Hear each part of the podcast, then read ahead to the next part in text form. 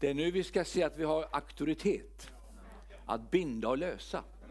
Jag tror vi behöver uppmuntra varandra och undervisa mer om detta, om den troendes auktoritet.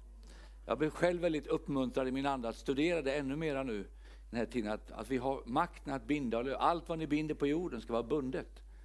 Och att vi har kraften i blodet, kraften i ordet och kraften i namnet Jesus. Det namn som är över alla andra namn. Jag nämnde lite grann igår vad jag skulle vilja komma in på här ikväll. I början av året så fick jag bara ett ord från Herren. Han sa till mig så här. Det finns vissa saker du måste kasta bort. Står det i Bibeln. Och när vi talar om kasta så står det så här i, i, i, i ordlistan att det är när man slungar någonting. Man hystar sig på, på svenska, jag vet inte vad ni säger på norsk. Hiva. Rusa iväg, ta med en kaströrelse och skicka iväg. Det är att kasta. Det är inte att man lägger, utan man bara man kastar iväg det.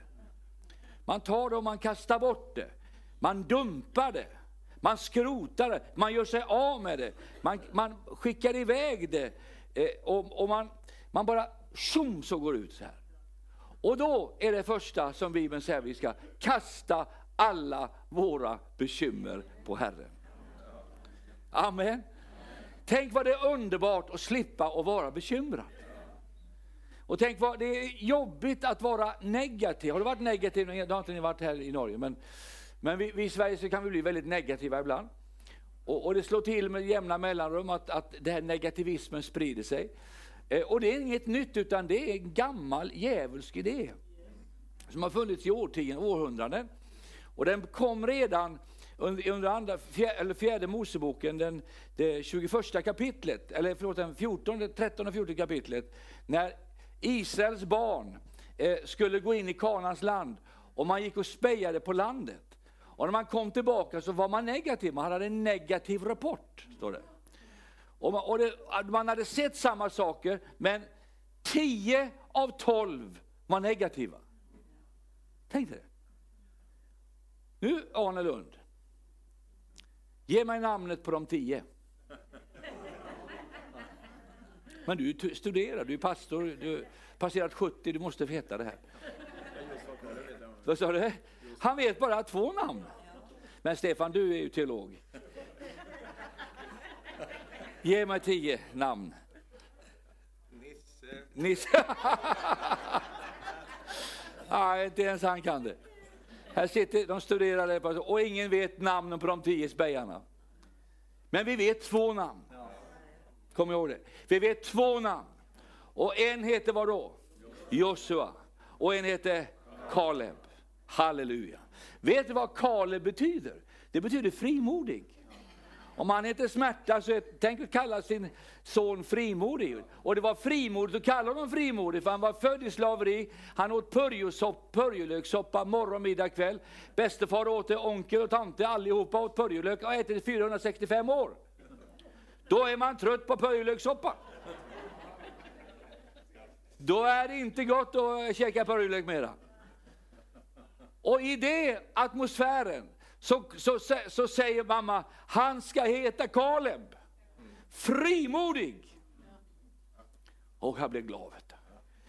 Jag vet att vi i Sverige inte lägger så mycket vits med när vi sätter ett namn på, och jag var ju så arg på min mamma när hon gav namnet att han skulle heta Carl Gustav. För det var, jag är en kompromiss. Min, min farfar hette Karl och min morfar hette Gustav och så för att inte någon skulle bli arg så fick jag heta Carl Gustav. Tills jag kom, läste vad Karl betyder, det betyder den frie mannen. Då blev jag gladare. Och Gustav betyder Götalands konung. Starkt. Och då blev det liv i luckan. Vet du. Men det är någonting med det här med namn i Bibeln, som vi hörde så underbart här förut idag. Och jag tror, förstår du, att den helige Ande vill komma med en ny frimodighet. Att våga kasta iväg bekymren. Varför? Han har omsorg om oss. Tänk vad det är lätt nu i den här tiden att börja bekymra sig, oroa sig för det, oroa sig för det. Man kan ju bekymra sig från morgon till kväll. Och man kan bli negativ och så vidare. Men Bibeln säger att vi ska kasta, kasta bort våra bekymmer. Åh, vad det är skönt. Och inte bara ha dem och sen som en snuttefilt ta fram dem ibland. Utan kasta bort dem. De ska vara inte existera i våra liv. Och så säger han då så här, och det här ska komma in på lite grann. Men det är någonting, vi, som jag sa igår också, vi ska inte kasta bort vår frimodighet. Var det någonting som Kaleb hade så var det frimodigt. Han, han, var frimodig, han, han rörde sig av när han fick höra Mose predika säkert om att de skulle dra ut ur landet och det var så härligt och så underbart. Och, så, och hans hjärta, och han åkte med på den här resan. Och när de kommer tillbaka och ska ge rapporten då, de andra tio som ingen vet namnen på, inte ens jag kan säga jag vet inte dem heller. Och jag har inte hört någon pastor i hela världen som har kunnat dem. Inte ens teologerna vet dem, men vi vet två, Kaleb och Sua. Och varför vet vi det? Jo, därför att i den, i den fjärde Moseboken, om du går med mig till den fjärde Moseboken, så ska jag bara strax komma in på det här, vad jag tror Herren vill tala till oss om idag. I det fjortonde kapitlet.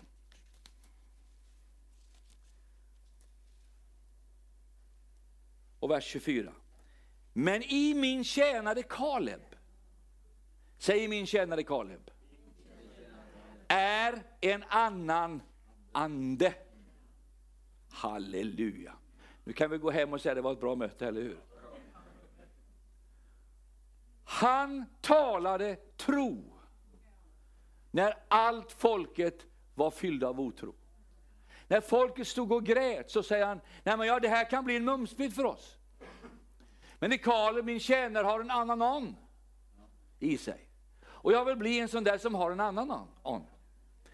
Som säger att nej men det, här, det här är möjligt för Gud.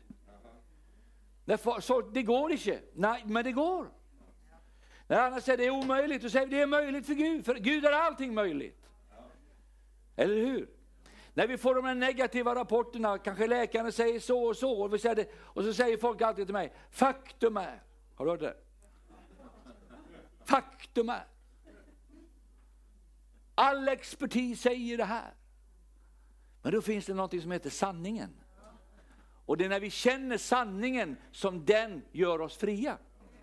Så sanning och fakta är inte alltid samma sak. För mänsklig fakta, mänskliga resurser, de kan säga saker men Gud har en annan väg. Och då när den heliga ande kom över den första kristna så blev de frimodiga. Det står faktiskt att Petrus säger, jag har inte silver och guld, men vad jag har det ger jag dig. I Jesu Kristi Nazarens namn stå upp och gå. Och det står att när de såg deras frimodighet påminde de sig om att de hade varit med Jesus. Så när du är med Jesus, då blir du frimodig. Kan jag få ett amen på det? Så när vi talar om frimodighet här ikväll så, så ser jag genom hela Bibeln, Kaleb och Jesu, jag ser, jag ser eh, eh, David, hur frimodig han var när han kom mot Goliat. Nu har vi en Goliat som står och ropar borta i öster och som ropar och han har dagliga seminarier. För det hade, Goliat hade 40 dagar av seminarier morgon och kväll. Det är ett långt seminarium. Och han stod där uppe på och skrämde, han var tre meter lång och 20 centimeter. Och alla fruktade honom, alla var, alla var rädda. Alla hade liksom sett honom, hört honom tala, att han skulle... Och alla hade fruktade sina hjärtan och oro. Det var precis den atmosfär som vi läser i tidningarna idag. Men vad gör då? Då kommer det en liten hederpojke som heter David. Han, han, han, är där med ost, står det i Bibeln. Tio ostar, det var inte små camembertostar, det var ju stora maskiner. En hel kärra med ostar. Som hans pappa hade bett han skulle ge till härhövitsmannen. Som, hans bröder var ju där. Och så kommer han med de där ostarna och så, och så kommer han så passerar han morgonmötet med Goliat. Vad är det han säger? Han är oomskuren. Han har inget förbund med Gud. Men det har jag. Så kan man inte smäda den grävande Gudens här. Nej men hallå där, det där är fel. Och så det första han säger är inte oj, låt oss springa hem igen. Han säger, hur mycket pengar får jag om jag slår ihjäl honom? Han vill ha betalt. Jag tycker det var kul. Det. Och hans bröder blir jättesint på honom. Kommer du här och tittar på striden, gå hem till pappa. Hur mycket pengar får man? Han bara fortsätter att tala tro. Jag älskar de här människorna som bryter otron i, i ett sällskap och vågar proklamera Gud är här. Alltså halleluja. Jag kan säga att jag prickar mig själv glad precis just nu. Åh, tänk att bara få vara uppfylld av det där. Och, han, han, och när han passerar bokbordet där nere i foajén och ser Golas alla bandserier om hur man blir deprimerad fort och hur man går under, hur man kommer under det och man kommer under det. Och så bara tittar han, nej, hur mycket får man om man slår ihjäl honom?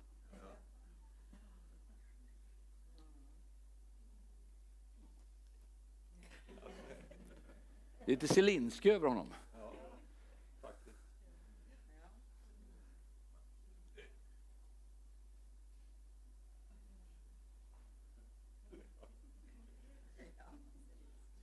Säger han, åk hem. Gå hem till pappa, åk hem till fåren. Spela lite harpa, kan du sitta och ha lite konsert. Sätta lite på Youtube, lite såna grejer. Spotify. Vem tror du att du är? Hur mycket får man? Och då blir talet känt. Och det finns, du ville se när du kom till himlen, lite saker vi sa förut, men det är en som jag har bokat innan dig. Och det är när David kom, när David säger det här och, och Sauls tjänare kommer in i tältet till Saul. Och så säger han så här, eh, det här är Carl Gustafs fria översättning nu. Eh, vi har goda nyheter och glada nyheter. Vad roligt. Får jag höra om goda först? Jo, vi har slutligen fått en ung man som vill ställa upp och gå emot Goliat. Det var goda nyheter. Vad är de dåliga? Ja, titta får du se själv. Lille David. Han som spelat harpa. Ja, och så säger han så här, låt inte ditt mod falla. Jag ska gå stad och strida för dig. Och så sätter han då på rustningen och alla tunga bördorna på honom och så säger han, jag vill ha mina, jag har fem stenar själv. Och så tar han den första stenen och slungar den i luften. Springer mot Goliat. Tron springer alltid emot objekten. Och så kör han i luften och så går han rakt in i pannan, gör ett djupt intryck på Goliat. Och så ligger han där. Och vet du vad händer? Hela landet får tro. En mans tro bröt fruktan i en hel nation. Vet du, jag tror på att det finns, kommer att komma en frimodighet över mötet här ikväll. Där vi ska våga be för varandra. Våga be för det omöjliga. Våga vara frimodiga i bönen. Våga vara frimodiga när vi ber, när vi talar med Gud, så vågar vi och vi är frimodiga i våra handlingar. Vet du vad det står? För frimodigt har med sig stor lön. Säg stor lön. Säg det en gång till, stor lön. Man kan ju, man, alla, alla kan ju få lön, men det finns stor lön. Jag, hade, jag glömmer aldrig så länge jag lever, jag hade, vi, har, vi har på Livets Ord i Uppsala har vi årskurs två. Och där på slutet av året så åker de på team. På, ute i ett missionsfält. Och, här, och då kom det en norsk bror till mig från Hagesund. Och så sa han, jag vill åka med på team, sa han. Vi är en hel grupp från Norge som vill åka med. Får vi åka med? Och självklart, sa jag, jag ska ner till Ukraina och eh, till Svarta havet och predika i Jefpatoria. Men vi ska stanna i Riga lite först och predika. Vi åker med. Så de fick åka för, för Svante Rumar och vi åkte dit och handlade i, i Riga. Och så minns jag, så sa vad ska vi göra nu då? Så jag, gå ut på gatan och predika.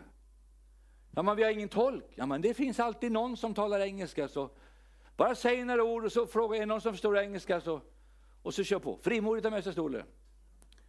Och de stod där med sina norska flaggor, de som skulle gå på tur liksom. Och, med ryggsäckar och härligt var det alltså.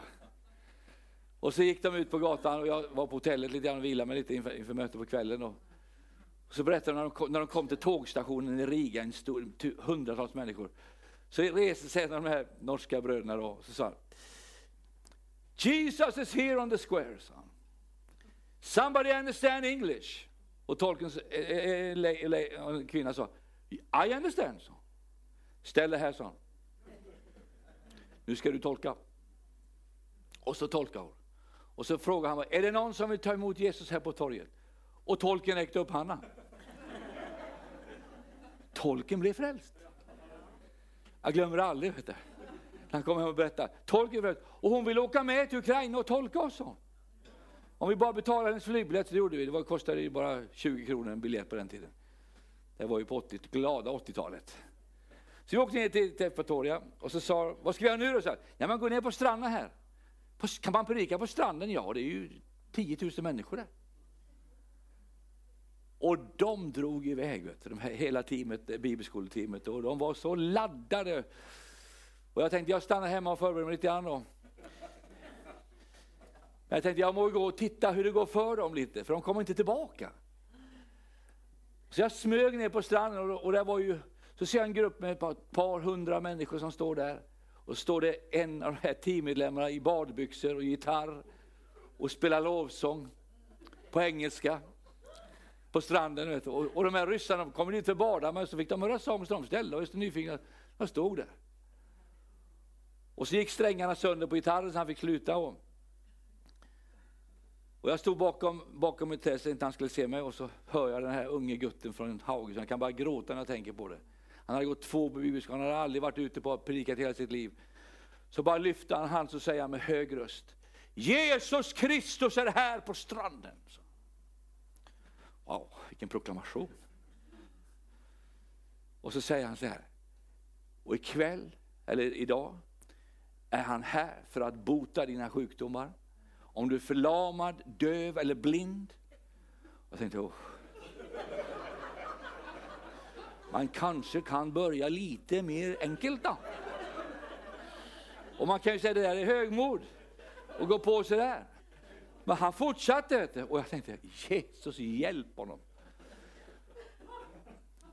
Och jag stod och tittade och, och så hände ingenting, men helt plötsligt så kommer en kvinna och bär en liten pojke sex år gammal på sina armar. Sa du att förlamade kunde bli botade? sa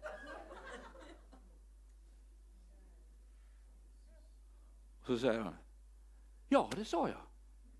Jesus är här nu. Din son kan bli botad nu. Och så tog, hon, tog han pojken och satte honom på, på, med benen på stranden. Benen var bara lealösa så här. Bara hängde och dinglade. Och sa han i Jesu namn, stå. Och så ramlar pojken ner. Då backar jag lite till. Och så bad jag lite för honom igen. Jag gömde mig bakom muren, hjälp, jag känner inte mannen. Och jag känner fega anden komma över mig. Otäckt liksom. Så lätt man bara, det är överandlighet. Och så, men den här gutten från Hagesund, Gud välsigne Hagesund, lyfter upp han igen. Och så sa hörde du vad jag sa Satan? I Jesu namn, stå upp och gå! Och tolken som var alldeles nyfrälst, i Jesu namn, stå upp och gå. Och så ser jag hur den här gutten ben stod fast på marken. Så bar han en gång till och så tog han sig ett steg. Två. Han gick sex meter med honom och ledde honom. Och så släppte han pojken och pojken stod kvar och sprang hem till sin mamma. Vet du vad jag gjorde Arne? Då gick jag fram. Och så är det jag som är hans lärare. Jag undervisar bibelskolan om helande. Amen. Men du var stolt jag var alltså. En ung gutt, 20 år gammal, fick tro och frimodighet. Kanske sån oskyldigt frimodig som David liksom bara. Gud är med mig i det här. Det är det här vi behöver komma tillbaka till i kristenheten. Enkelheten, förbönen för de sjuka. Våga gå på vattnet igen. Oh, Gud ärar frimodiga människor. Den har med sig stor lön. Du vet ju storyn när Jesus gick på vattnet. Tänk att han gick på vattnet Arne. Han, och det var storm och han gick där. Och lärjungarna satt i båten och de tittade när han gick förbi. Och Jesus gick ju inte så här, åh, undrar om det håller det här. Nej, nej, nej. Utan han bara gick. Och så rätt som det var så får Petrus se det här. Och så säger Petrus, om det är du Jesus, be mig komma till dig på vattnet. Och Jesus kunde ju ha sagt så här, eh, broder Petrus, nu ska vi inte ta sådana steg här. Nu tar vi det lugnt och roar ner lite då. Och så kan vi be över saken. Och så när du har vuxit till lite mera, när du har gått på bibelskolan tre år, med förlängningskurs fyra, så kan vi tänka på saken. Jesus sa ögonblickligen, kom! Och så tar han sitt första steg ut på vattnet. Jag kan ju höra dem i båten, för jag har varit med om det så många gånger när jag har tagit steg ibland och folk säger, gör icke detta. Det är farligt. Man kan dö där inne. Det sa de många när jag åkte till Ryssland. Vet du.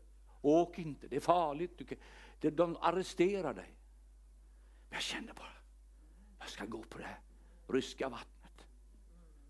Och idag är jag väldigt glad att jag gick, ska jag säga. 1985. Det är flera tusen år sedan. Men det var fantastiskt.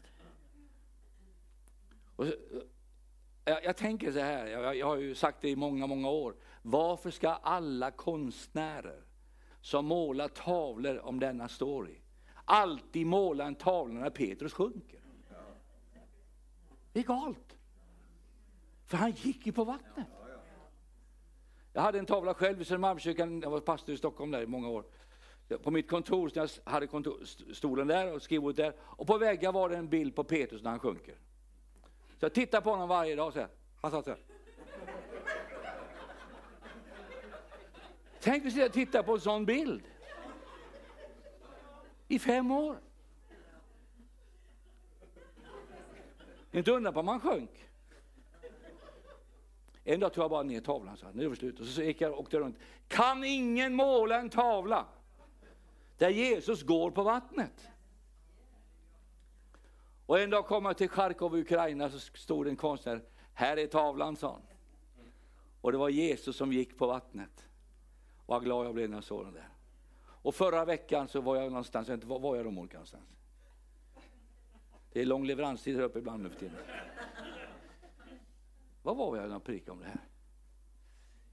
Då kom det en liten flicka, fem år gammal, och gav mig en teckning när Jesus gick på vattnet. Vad glad jag blev. Hon hade förstått det här. Vi måste gå på vattnet. Och nu säger folk så här, ja men Carl Gustaf, faktum är, han sjönk. Ja. Och jag kan höra de som satt i båten, ja det var det vi sa hela tiden. Så går det. När man tar sådana här otäcka steg. För ingen hade ju läst Matteus 14, det här var ju nytt liksom. Man visste inte om det här funkar eller inte. Nu kan vi läsa att han gick på men det visste ju inte Petrus. Han bara gick. Och så sjönk han när han började titta på vågorna. Oj, här var mycket, så här har vi aldrig gjort förut. Så börjar tankarna komma. Och så sjunker han ner. Men vet du vad? Jesus sa inte, hej då Petrus. Vi ses i himlen. Ja, så där går det. Kan ni sjunga en minnessång här i båten? Jag har hört om en stad ovan molnen. See you in heaven Peter. Nej, vet du vad han gör? Han lyfter upp honom direkt. Vet du, när du faller, faller du aldrig ur Guds hand, du faller i Guds hand. När du misslyckas, du, missly du kan misslyckas och göra massor med grejer och du kan be fel och allt vad det är. Halleluja, men vet du vad? Vet du vad? Vet du vad? Prisat vare Herrens namn. Det är bara att göra det igen. Ta ett nytt steg. Ställ upp. Och Petrus, jag är så glad när jag läser detaljer för att Jesus tog inte Petrus släpade honom under som en dykare liksom under vattnet. Så här. Grodman. Sätt dig i båten, gör aldrig om det där igen. Eller hur? Utan han sa, varför tvivlar du? Varför är du rädd? Och gissa vem som stod på pingstdagen frimodigt och predikade så att 3000 blev frälsta. Det var han som tog steget på vattnet. Och jag skulle bara önska att ikväll att vi vågar ska ta de där stegen. Du kanske, det är kanske inte är att du ska gå på vatten nu, gå över till England, liksom, det är inte det. Va? Men det är andra områden i ditt liv där du behöver ta steg. Och Herren bara manar att våga göra det som du inte vågade tidigare. Eh, vi, vi, vi, vi är ibland rädda och vi är osäkra. Och vi har saker med oss i bagaget, varit med om folk kanske har skrämt oss och vi vågar inte det. Folk har sagt saker till oss, men vi vågar inte det. Men när, när frimodigheten kommer så har den med sig lön. För det är den helige ande som kommer över dig. Och du vågar göra saker som du inte vågade göra tidigare. Du vågar be böner du inte vågade be tidigare.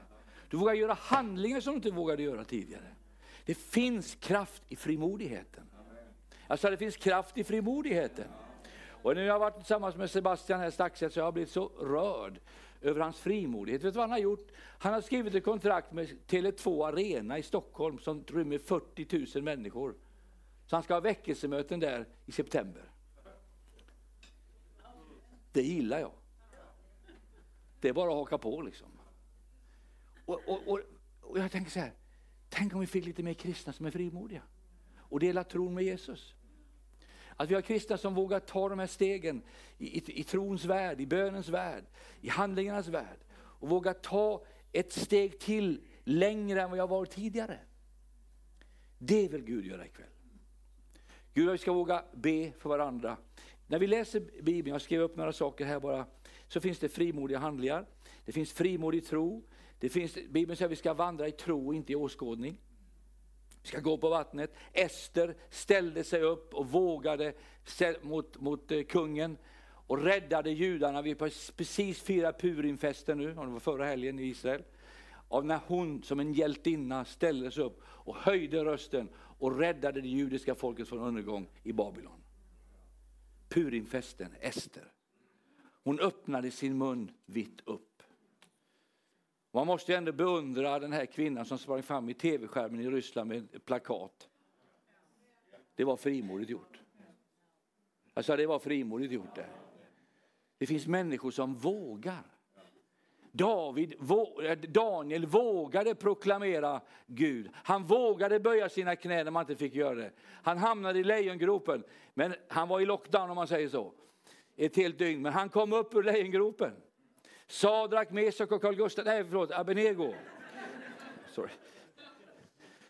De vägrade kompromissa. Och där inne, vet du, där gick det de lösa och lediga och eldslågorna slog mot dem, men de rörde inte vid dem. Och när de tittade in i ugnen fick de se, hur många fick de se in i ugnen? Hur många gick in i ugnen? Tre gick in. De såg fyra i ugnen. Hur många kom ut? Tre. En stannar kvar, han väntar på dig. Han heter Jesus. Och jag älskar det här, när vi ser sådana här saker. Jag glömmer aldrig så länge jag lever. 1900 någonting. Och många år sedan nu. Jag tror det var 88, 89. Så var jag i en stad som heter Tbilisi i Georgien. Norr om Armenien. Och det var en fantastisk resa vi hade. Jag var lite trött och skulle precis gå ut ifrån mötet. Så står det en ung gutt där. Tio år gammal. Han är förlamad, han kan inte gå. Hans ansikte är förlamat, han är kritvit i ansiktet. Min son, Monica, vår son, yngste son Nathan, han var tio år då. Det slog till lite extra i mig, jag vet, det kunde varit min son. Och vi tittar på honom och så säger pappan, här är min son, han har tre dagar kvar att leva. Tre dagar. Det finns inget hopp. Läkarna har sagt att vi har spenderat alla våra pengar vi har på läkare i Tyskland. De har skickat hem honom till att dö. Han ligger på sjukhus. Vi tog honom från sjukhuset ner här för att det är vårt sista hopp. Jesus är vårt sista hopp. Jag glömmer aldrig så länge jag lever. Jag tänker berätta den här berättelsen så länge jag lever för det är den starkaste jag sett i hela mitt liv. Han hade cancer i lungorna. Han hade cancer i levern, kräft. Han hade kräft i alla vitala organ i hela kroppen. Och så var det för honom, ingenting hände, vi såg ingenting. Men när han, precis när han skulle gå så hör jag mig själv, det har hänt mig några gånger i livet, att frimodighetens ande kommer över. Det, det, det är en smörj, en salvelse. Och så hör jag mig själv säga, du unge pojke, nästa gång vi möts så ska vi spela fotboll. Och jag. Jag tänkte, vad säger jag? Så gick, åkte jag hem, gick ett år, kom tillbaka ett år efteråt. Vet som står utanför dörren, samma dörr? En pojke 11 år gammal med en fotboll under armen. Det blev inte tre dagar liv, han hade levt ett helt år. Jag sa, är det du? Ja, sa pappan. Han är helt frisk. Han har spelat fotboll hela sommaren. Fantastiskt. Vilket är ditt favoritlag? Så, så tittade han. Arsenal. Jag förlåter dig, så. Alla kan inte hålla på rätt lag. Så frågade hans bror som stod jämte, vilket lag håller du på? Barcelona? Jag förlåter dig med, så. Och så hör jag mig själv säga som jag inte kunde bestämma. Jag hör min helige ande bara inom mig. Pojkar, sa jag, nästa gång vi ses, han stod med fotbollen i armen där. Vet du vad vi ska göra då, Så? Då ska jag ha med mig Arsenalkläder och Barcelonakläder till er. Med era namn på. Vilket nummer vill ni ha? Tio, sa de. Och när jag kom, satt mig och tänkte, hur ska detta gå till? Men så kom jag på, jag ska ut i Kina nästa vecka. I Kina, everything is possible. Copyright means right to copy för dem. Jag sa till pastorn, jag behöver Arsenalkläder 10 med de här namnen på och Barcelona-kläder. Så sa han så här, give me 30 minutes. På 30 minuter hade jag kläderna klara. Kineserna betalade alltihop. Och så åkte jag till Georgien och lämnade över det här till de här pojkarna. Det var fantastiskt. De tog på sig kläderna, fick ta kort på dem. Och, och så sa den här unge, unge gutten då, ja, jag, vill ha, jag vill visa dig någonting, sa han. Det var röntgenplåtarna. Hur det såg ut innan han blev helad. Alla cancertumörer som satt på lungorna och levern och njurarna. Och, och så sa han, nu är jag frisk Carl Gustafsson. Här är fotbollen, kan du signera en gång till? Så. Och så stod vi och grät båda två. Och så sa han så här, jag, jag berätta hur det gick till. Och tre dagar innan du kom så var jag på sjukhus, jag var på toaletten, det kom blod ur urinen, det kom blod ur avföringen. Jag kräktes blod, det, var, det fanns inget hopp. Då sa jag bara så här, Jesus hjälp mig. Fem dagar senare var han helbrägdagjord. Frimodigt har med sig stor lön. Och vet du vad Arne? Förra året fick jag ett brev från den pojken. Han är 24 år nu. Och han, jag var inbjuden på bröllop. Han gifte sig. Jag tänker så här. Våga göra det du inte vågar. Våga ta de här stegen. När ingen annan säger att du kan, så kan du i alla fall. Prisat vare Herrens namn. Jag sa prisat vare Herrens namn. Våga ge när du ska ge. Våga tro när du ska tro. Våga gå ut och predika när Herrens ande kommer över dig. Och jag, jag tror, och, och våga vara karismatisk. Våga säga halleluja då och då. Jag har blivit lite tyst i kyrkorna tycker jag. Inte här, men det finns, det finns, man inte hör något halleluja längre. Och jag tror det är viktigt att, vi, att, att det finns en hallelujaande. Att det finns levande människor som prisar och tror på det karismatiska. Det fanns en man i Sverige som hette Levi Petrus, jag vet inte om du kommer ihåg honom. Han var ju en väldigt stark ledare för pingströrelsen i Sverige i många, många år. Och han, han berättade, han fick ett brev från en man som var med i Philadelphia, Stockholm, och, som hade tvivlat på sitt tungotal. Han, han tänkte, jag säger bara ba, ba, ba, da, da, och han tyckte det var så konstigt det där. Så sa han så här, men så satt jag på tåget mellan Stockholm och Örebro. Och så helt plötsligt så öppnas dörren i Stockholm när han har satt sig i kupén. Och i kupén jämte så kommer det en sex man stor grupp från Ryssland. Och sätter sig där. Han tänkte, vad är det för någonting? Så han, han satt och bad lite i tungan och sådär. Så gick han ut och så kom Guds ande över honom i, i, i korridoren där ute. Så han öppnar dörren till ryssarna och lägger av ett tungtalssalva rakt in i kupén där. Och deras ansikten börjar skina upp. Åh, oh, slava Bogu! Och så gick han igen. Och så kom, efter en timme så kom Guds ande över honom igen. Och då bara, så säger han så här. Jag kände att jag ska gå in i kupén igen och tala lite till i tungan. Så gjorde han det, vet du, en ny salva. Och de blev ännu lyckligare. Vet du. Så stannade tåget i Hallsberg, bytte tåg, åkte han till Örebro. Och så gick han till Pingstkyrkan på kvällen. Då sitter de där ryssarna på kvällen där och får se honom. Och de flyger ju fram och kramar, du vet, ryssarna de pussas. Vet du. Det, de, de, de pussar, jag vet första gången jag kom till Ukraina, de, en kille han tog mig i, i i öronen så här och pussade mig rakt på munnen. Mwah, mwah, mwah, Han sa, det här är en helig kyss. Han. Ja, det var härligt. Ja, det var helt... Men så gör de. Och de pussar honom och så börjar man prata ryska. Bara. Sorry, I don't understand. sa han. Jo, men du pratade ju med oss idag på tåget. Gjorde jag, sa Jag var inne och bara bad i tungan. Ja, men du pratade perfekt ryska, sa han. Gjorde jag, sa Vad sa jag då? då? Jo, första gången när du kom så sa du så här att så säger Herren, ni undrar var ni ska stiga av tåget. Men jag kommer tillbaka, säger Herren, om en timme och ger mer information.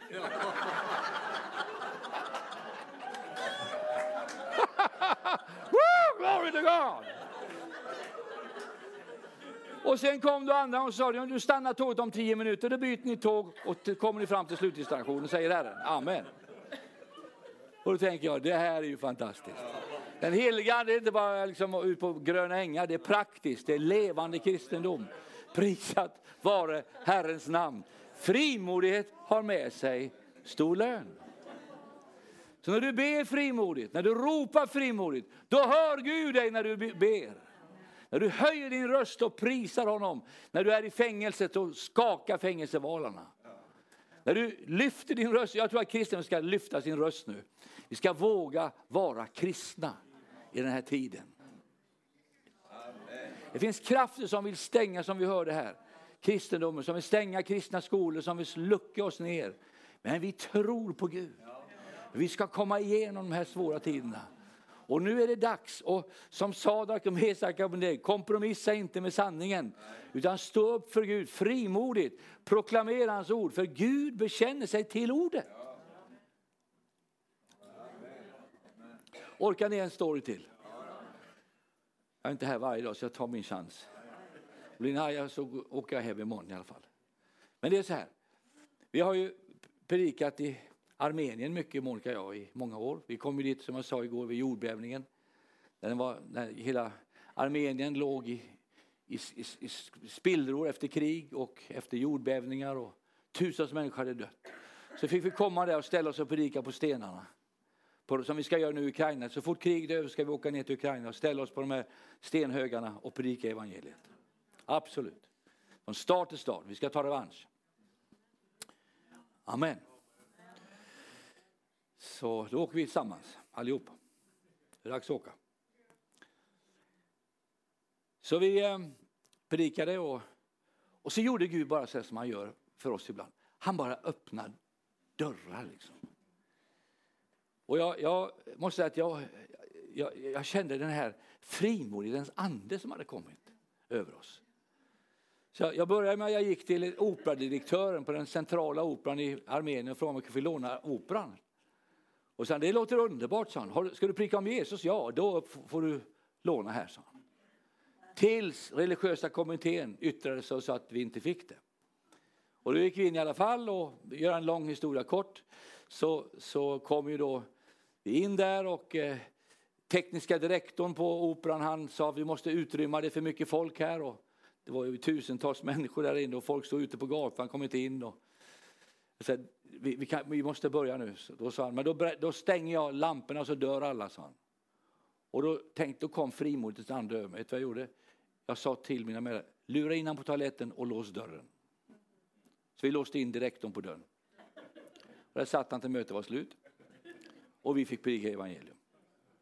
Han, Sen kom han ut och var jätteglad. Han sa att vad skönt att inte operan gick sönder, sa han. Men så kände vi så här, nej det räcker inte här. Vi, ska, vi, ska, vi har en stor arena som tar 10 000.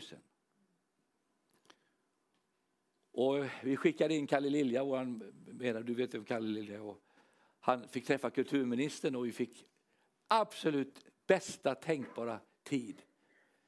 Vi fick låna den arenan i tre dagar. Och jag glömmer aldrig, Monica, kommer ihåg när vi kom in i arenan och, och det är fullt av människor i arenan. Det är 10 000 människor som står där. Och vi sjunger de första lovsångerna. Och så kommer beskedet från kulturministern. Du får inte predika här ikväll. Ni får inte ha ett möte. Ni, ni, får ha en konsert men ni får inte predika. Ja, tänk på djävulen hatar förkunnelse.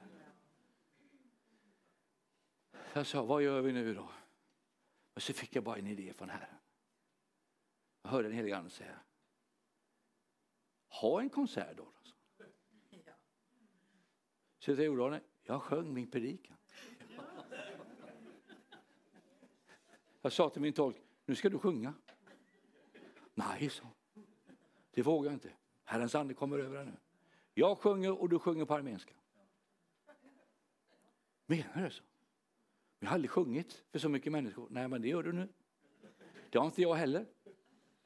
Så jag lyfte min röst och började sjunga det. Herrens ande är här ikväll. Han är här för att bota de sjuka enligt Matteus 9.21. Och så, och jag och så läs, sjöng jag bibelorden. Och, där Jesus här i, på, i arenan. Och det, var, det var faktiskt härligt. Det var, det var inte så vackert, men, men härligt var det. Och hon började sjunga, den här kvinnan. Vet Och vet du vad hon är idag? Hon är Armeniens mest kända kristna sångare. Det var jag som lanserade henne. Amen.